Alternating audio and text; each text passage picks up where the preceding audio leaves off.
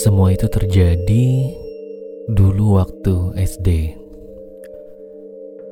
Pengalaman ini sampai sekarang masih teringat dan rasanya seperti masih membekas deh teman curhat.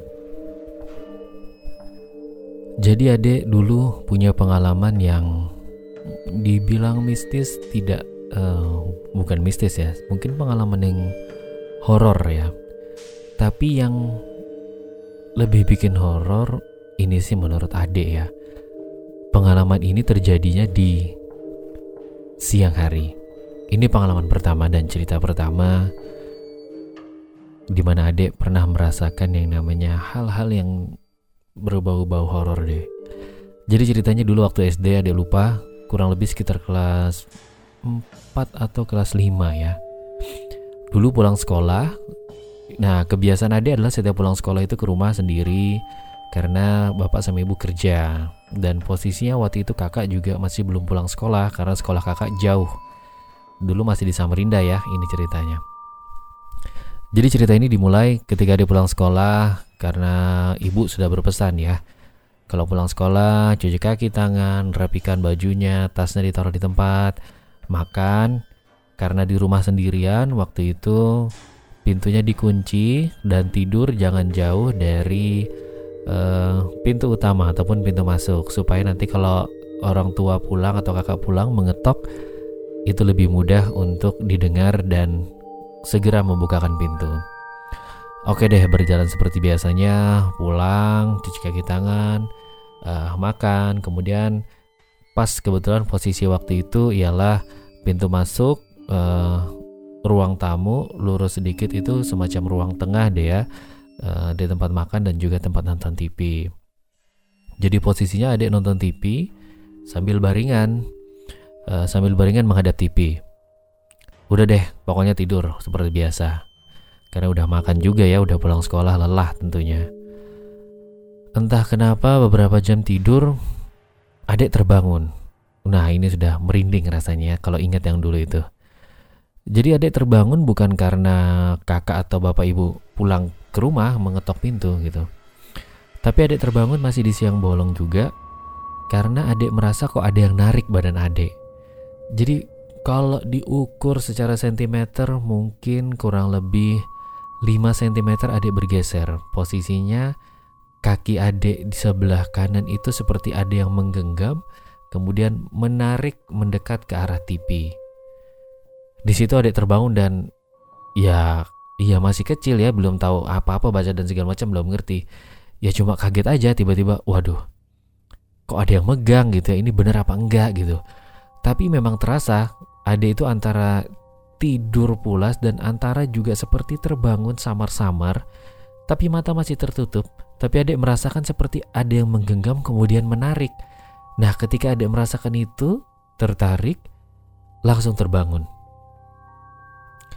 ya ya udah dan rasa genggaman itu masih terasa gitu. Maksudnya ketika kita digenggam seorang di, digenggam seseorang gitu ya kemudian dilepas biasanya kan ya udah genggamannya udah tidak terasa lagi. Tapi ini seperti terasa masih membekas gitu. Dan hafal banget itu seperti di, itu benar-benar di pergelangan kaki sebelah kanan. Sampai dengan hari ini adik masih merasakan itu. Maksudnya masih bisa ingat sekali gitu ya perasaan seperti itu dan yang bikin sebenarnya makin belakangan makin dewasa ngeri adalah itu terjadinya siang bolong ya. Siang aja udah ngeri, gimana kalau malam hari? Jadi itu uh, cerita ataupun pengalaman horor yang pernah adik rasakan secara langsung. Nah, ada lagi pengalaman horor kedua adik.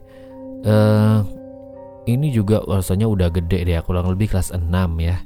Jadi dulu pulang dari rumah uh, kakek ya kalau kita nyebutnya kakek ya. Kalau dulu di Samarinda nyebutnya kai nenek gitu deh.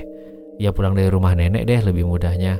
Pulang sama ibu dan juga uh, istri dari kakaknya bapak gitu. Jadi pulang deh. Nah adek itu jalan barengan sepupu posisinya di depan. Kakak sepupu adek itu lebih udah tua ya bukan tua maksudnya udah udah lebih dewasa ya udah SMA atau lulus SMA kalau nggak salah. Uh, cewek dulu kakak sepupu. Jalan kaki aja sih pulang di komplek uh, komplek komplek perumahan dosen itu dekat dengan rumah. Rumah nenek itu tidak jauh dari rumah juga. Jadi ya udah singkat cerita waktu itu ada kegiatan ada acara di rumah nenek. Uh, berangkatnya jalan kaki pulangnya juga jalan kaki melewati perumahan dosen ya udah ini pulang nih malam. Kurang lebih sekitar jam 8 ya atau setengah 9 kalau nggak salah around itu deh pulangnya. Uh, posisinya adek bersama kakak sepupu itu dipegang karena adek waktu itu masih kecil ya. Pulang jalan bagian depan. Kurang lebih jaraknya 10 sampai 15 meter deh ya. Ibu sama ibunya kakak sepupu di belakang Oke deh pulang di jalan seperti biasa ngobrol nyanyi nyanyi lah namanya juga anak kecil ya. Nah saat itu ngelewatin portal eh, di mana memang kata orang-orang begitu ada udah dewasa sih ya baru tahu ceritanya. Ternyata memang di portal itu banyak hal-hal ataupun banyak orang-orang yang pernah mengalami hal-hal yang uh, horor ataupun mistis dekat situ. Lebih tepatnya horor ya. Jadi udah pulang uh, nyanyi-nyanyi seperti biasa karena malam hari kan ibu di belakang lah tidak jauh jaraknya. Pulang digandeng sama kakak sepupu. Tiba-tiba saat ngelewatin portal itu terdengar suara seorang nenek gitu. Suaranya sayup-sayup lirih tapi terdengar jelas. Dia pakai bahasa Jawa nih ya. Wah ada jadi mulai merinding lagi nih kalau cerita ini. Nih jadi nenek itu bilang begini nih. Do sini do do sini do dua kali suara itu terdengar nih teman curhat tanpa pikir panjang, adik beserta kakak sepupu adik langsung tancap gas. Tancap gasnya ya lari sampai ke tikungan kurang lebih 50 meter kami lari waktu itu. Bener-bener Hah, siapa yang manggil gitu kan? Karena posisinya 15 sampai 10 meter di belakang itu ada ibu sama ibunya kakak sepupu gitu. Ya udah lari gitu. Sampai di simpangan yang agak terang nungguin deh di situ ya. Kalau ditinggal lari ya kurang lebih 50 meter dan itu masih terdengar masih apa ya masih sangat-sangat teringat uh, suara itu gitu. Jadi ya udah begitu ibu sama ibunya kakak sepupu datang jalan seperti biasa dulu sampai rumah baru cerita. Nah itu pengalaman-pengalaman horor yang pengalaman horor yang pernah adik rasakan langsung ya. Dan mungkin teman curhat juga banyak yang punya pengalaman horor. Bisa deh berbagi ceritanya di podcast teman curhat di @podcast teman curhat.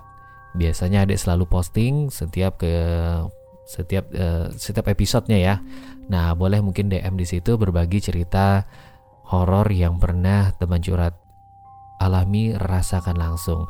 Sebenarnya dari adik banyak sih cerita-cerita horor yang adik sendiri langsung rasakan itu. Tapi untuk malam hari ini dua dulu ya, karena rasanya waduh kalau ingat yang itu jadi ngeri sendiri nih teman curhat. Jadi buat teman curhat semua yang mungkin punya pengalaman silahkan share. Boleh di DM. Nanti kalau mau WhatsApp juga ntar DM aja. Ntar ada bagi deh nomor WhatsApp. Atau mungkin kalau ceritanya panjang mau di email. Boleh nanti bisa kirim email. Yang pasti teman curhat cukup kita yakini. Artinya yang gaib itu kita yakinin selebihnya kembalikan semua kepada Allah.